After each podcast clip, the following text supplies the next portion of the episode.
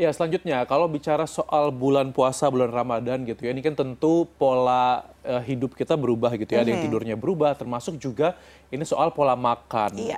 Nah dan ngomong soal pola makan di waktu yang biasanya mungkin sebagian anda masih ada yang tidur gitu ya tapi harus makan misalnya untuk sahur mm -hmm. gitu. Nah ini kan juga jadi satu tantangan buat kita juga gitu kan Mevri dengan adanya perubahan pola makan, perubahan pola tidur. Ini apakah uh, apa ya apa yang pola yang kita jalanin sekarang tuh udah benar atau belum? Udah benar atau belum? Jangan-jangan ya? enggak. Nah, coba gitu kalau kan. mau bicara soal hal itu tadi pagi hmm. Rizky subuh-subuh sahur apa? Saya sahurnya pakai kurma sama buah, pakai sosok sehat masih puasa-puasa ya? pertama. Oke, kurma sama buah. Nah, kira-kira itu cukup nggak nah, sih? Nah, itu, apa nah bisa lemes? kuat nggak tuh sepanjang jalan iya, ya? Kan, Karena kalau juga. saya, walaupun saya nggak ditanya sama Rizky, saya mau curhat nih ya. Kalau saya tuh kalau sahur, Kamu makan berapa piring? harus harus eh, satu piring aja sih. Uh -uh. Harus banget makan yang namanya buah dan sayur. Karena okay. justru kalau nggak makan buah lemes itu ya? bawaannya lemes. Kalau oh. makan karbo yang berlebihan itu justru saya juga lemes. Tapi tenaganya ada tuh untuk nah, menjalani itu, sepanjang hari. Nah, biar enggak? kita nggak tebak-tebak sendiri, hmm. langsung aja kita terhubung. Ini dia kita akan langsung membahasnya dengan Dokter uh, Sindiawati Pujiadi yang merupakan dokter spesialis gizi klinik. Selamat pagi, dokter. Selamat pagi, dokter. Selamat pagi. Sehat, dok? Sehat. Dok, dokter yeah. Cindy dari tadi kan saya sama Rizky udah curhat nih ya. Hmm. Kalau saya tuh justru harus banyak makan sayur. Tim-tim yang sarapannya agak nasi agak iya, berat ya walaupun ada sayurnya. Kalau harus nasi tuh kalau sahur justru saya jadi lemes seharian. Hmm. Sementara kalau Rizky, Rizky buah sahurnya sama kurma buah aja sama cukup kurma. Sama air putih Sebenarnya cukup nggak sih dok asupan uh, sahur seperti itu dan yang baik tuh asupannya seperti apa kalau lagi puasa? Iya, jadi di kurma memang ada sumber karbohidrat, di buah yang kamu tadi konsumsi itu juga ada super karbohidrat. Mm -hmm. Kalau sayur kan uh, serat kan ya, mm -hmm. jadi memang akan membuat kita kenyang lebih lama. Tapi ada satu hal yang kita sangat butuh perhatikan, mm -hmm. yaitu asupan protein. Mm. Kenapa asupan protein? Karena kebutuhan kita itu misalnya berat badan saya 50. Ya, saya butuh sekitar 0,8 ke 1 gram per kilogram berat badan. Anggap 1 gram per kilogram berat badan. Jadi kita butuh kita 50 gram protein untuk saya yang beratnya 50 misalnya mm -hmm. seperti itu. Mm -hmm. Nah, 50 gram protein itu uh, terdapat di sekitar um, 7 potongan ayam atau ikan atau mm -hmm. uh, daging. Mm -hmm. Jadi kebayang nggak sih kalau sahur proteinnya kita nggak penuhi, ya? Mm -hmm. Sama sih kan makannya di pada waktu buka untuk memenuhi kebutuhan protein kita. Mm -hmm. Jadi yang nomor satu yang perlu diperhatikan tentu saja protein. Nah, sumber karbohidrat mm-hmm. bisa ada karena kenapa karena sumber karbohidrat itu merupakan sumber tenaga kita jadi selain dari buah tadi itu juga dibutuhkan sumber karbohidrat dari misalnya nasi merah mm-hmm. nah, banyak banyak juga apa-apa lah kan tadi katanya ada yang nggak bisa kalau makan terlalu berat mm-hmm. roti gandum atau hormon itu yang mungkin uh, gampang dicari pada waktu sahur mm-hmm. nah roti gandum atau hormon kenapa saya sarankan karena mereka mengandung serat Nah, serat itu kan membuat kita kenyang lebih lama. Jadi tetap sebaiknya pada waktu sahur komposisi makanan kita tuh bergizi lengkap dan seimbang. Tetap ada sumber karbohidrat, sesuaikan aja kebutuhan masing-masing. Protein, jangan lupa. Karena kebutuhan protein nanti kita susah kejarnya pada waktu buka.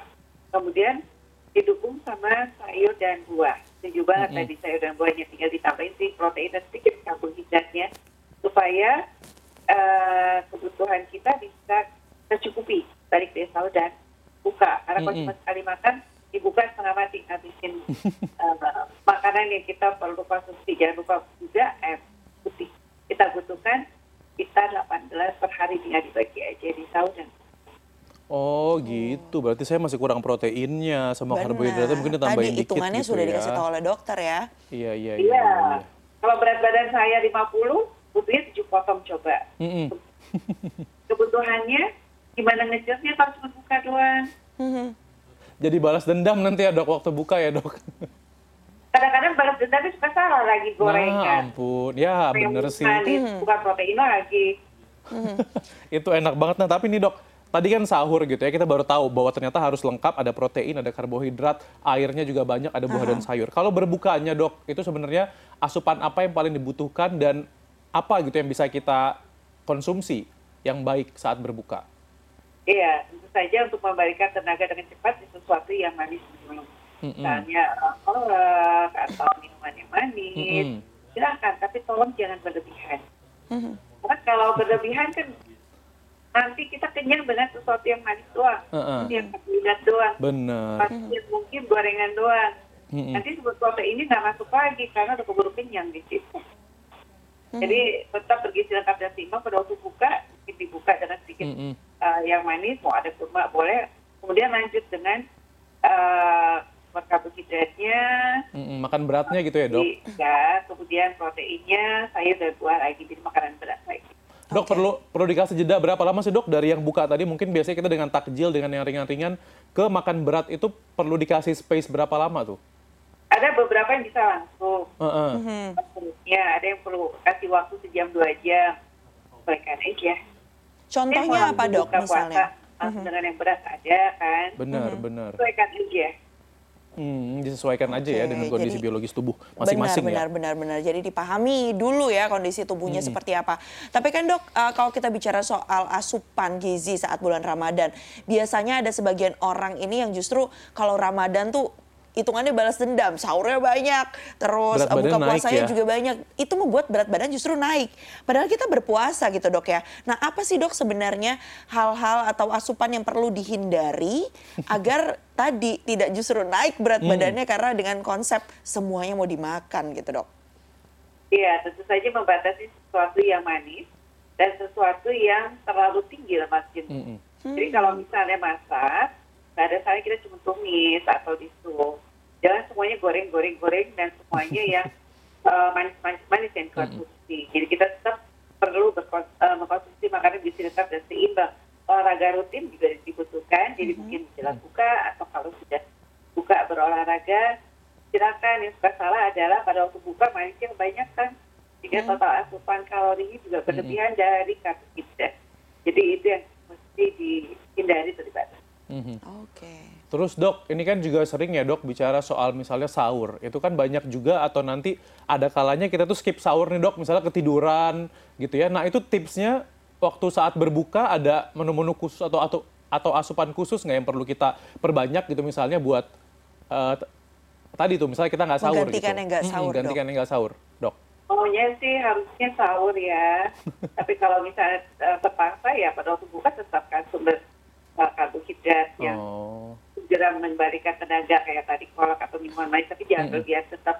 Karena kita mesti mengejar kebutuhan kita salah satunya kebutuhan protein kita tadi ya. Mm -hmm. jangan sampai gara-gara puasa otot kita drop karena asupan protein kita tidak penuhi tapi alangkah baiknya mm -hmm. kalau tetap sahur kalau tidak memungkinkan untuk makan bisa saja uh, mencari susu yang tinggi kalori untuk mengganti makan didukung sayur dan buah. Jadi cepat makannya atau disiapkan dari uh, malam sehingga pada sahur dan nggak usah repot-repot lagi nyiapin makanan dari mana. Baik. Untuk metabolisme tubuh dok, sebenarnya tuh kalau kita habis sahur atau berbuka puasa uh, bisa langsung tidur atau baiknya seperti apa sih dok agar uh, apa yang kita konsumsi itu bisa diolah dengan baik Betul. oleh tubuh dok? Apalagi sahur kan sudah banyak yang langsung tidur biasanya habis sahur ya. Iya, memang sebaiknya sih kalau habis makan tidak langsung tidur. Karena -hmm. kalau misalnya kita punya masalah dengan GERD atau apa, itu pun malah jadi nanti uh, ada masalahnya itu jadi makin meningkat titiknya tersebut. Hmm. Jadi perlu kasih waktu mungkin sejaman baru tidur lagi. Hmm, hmm, hmm. Nah, nah kemudian ini tepat dok, nih tadi kan betul. baru dibilangin soal asam lambung, asam nah, lambung ya Rizky ya? Itu dia. Ini buat beberapa orang juga yang punya masalah lambung ini kan puasa ini agak ngeri-ngeri sedap gitu ya. Mm-hmm. Nah dok, buat yang punya masalah lambung atau gimana caranya biar puasa kita tuh tetap lancar gitu, menghindari adanya asam lambung atau GERD misalnya? yang ada salahnya konsultasi dulu dengan dokter. Mm-hmm. Apakah itu yang penting ya. berpuasa karena dokter yang mengetahui kondisi uh, masalah lambungnya tersebut. Mm-hmm. Kalau dokter uh, mengizinkan, silahkan dijalankan, tapi hati-hati dengan segala sesuatu yang asam, yang pedas, yang uh, bergas, kayak kol, kembang kol, itu dihindari, nangka, mm-hmm. itu juga dihindari, kopi, mm-hmm. teh, jangan itu ya, karena mereka juga selain um, Aduh enak banget kopi dok. Juga diuretik nanti makin Benar. Kalau susu gimana sih dok? Konsumsi susu, saat beda -beda. sahur atau Ada orang yang memang lakto intolerance, jadi kalau minum susu perutnya nggak enak. Jadi hmm. misalnya mengalami lakto intolerance ya hindari susu yang mengandung laktosa, mungkin bisa dipindahkan ke susu yang tidak mengandung laktosa. Hmm. Hmm. Kalau tadi udah disebutkan oleh dokter beberapa makanan yang harus dihindari gitu ya. Mungkin boleh ditegaskan lagi dok, yang harusnya sebaiknya uh, dikonsumsi bagi mereka yang uh, menderita asam lambung tinggi atau GERD gitu, uh, apa saja dok agar puasanya bisa berjalan lancar agar tidak sakit-sakit perut gitu dok? semuanya tetap dikonsumsi mm-hmm. gizi lengkap dan seimbang dari super karbohidrat, protein, ada sayuran buah dan lemaknya hati-hati jangan terlalu banyak goreng-gorengan itu banyak lemak jenuh itu tidak mm-hmm. bagus untuk uh, penderita skisma atau GERD jadi lebih karam di sup-sup itu akan lebih enak mm. dikonsumsi hindari si kopi teh tadi dan makanan yang pedas asam yang merangsang makanan-makanan yang bergas itu sebaiknya dihindari. Mm-hmm. Oke, uh, terakhir dok, kalau kita bicara soal makanan ini kan pasti lebih baik jika kita mengonsumsi yang uh, cenderung alami ya dok mm. ya dibandingkan dengan makanan-makanan olahan ya dok ya. Seberapa signifikan sih dok sebenarnya kalau kita uh, di baik itu masa-masa Ramadan seperti ini ataupun masa selain Ramadan ya, tapi fokusnya di masa Ramadan untuk bisa benar-benar mengembalikan pola tubuh agar itu tadi dekat dengan makanan-makanan yang sehat gitu dok. Iya tentu saja makanan yang kita udah tata dengan kita buat sendiri itu akan lebih baik karena um, kita mengetahui apa yang kita butuhkan dan cara pemasakannya seperti apa ya. Tapi kalau misalnya terpaksa uh, harus mengkonsumsi sesuatu yang mungkin sudah mm-hmm. uh, dibelinya udah jadi, lihat saja konten uh, kandungan lemaknya berapa mm-hmm. banyak, proteinnya, dan ada apa lagi di situ sehingga tetap bisa menyesuaikan dengan kebutuhan kita. Mm-hmm. Yang perlu hati-hati tetap tidak berlebihan sesuatu yang manis dan tidak berlebihan sesuatu yang mengandung lemak jenuh. Jadi bukan sesuatu yang bergoreng-goreng.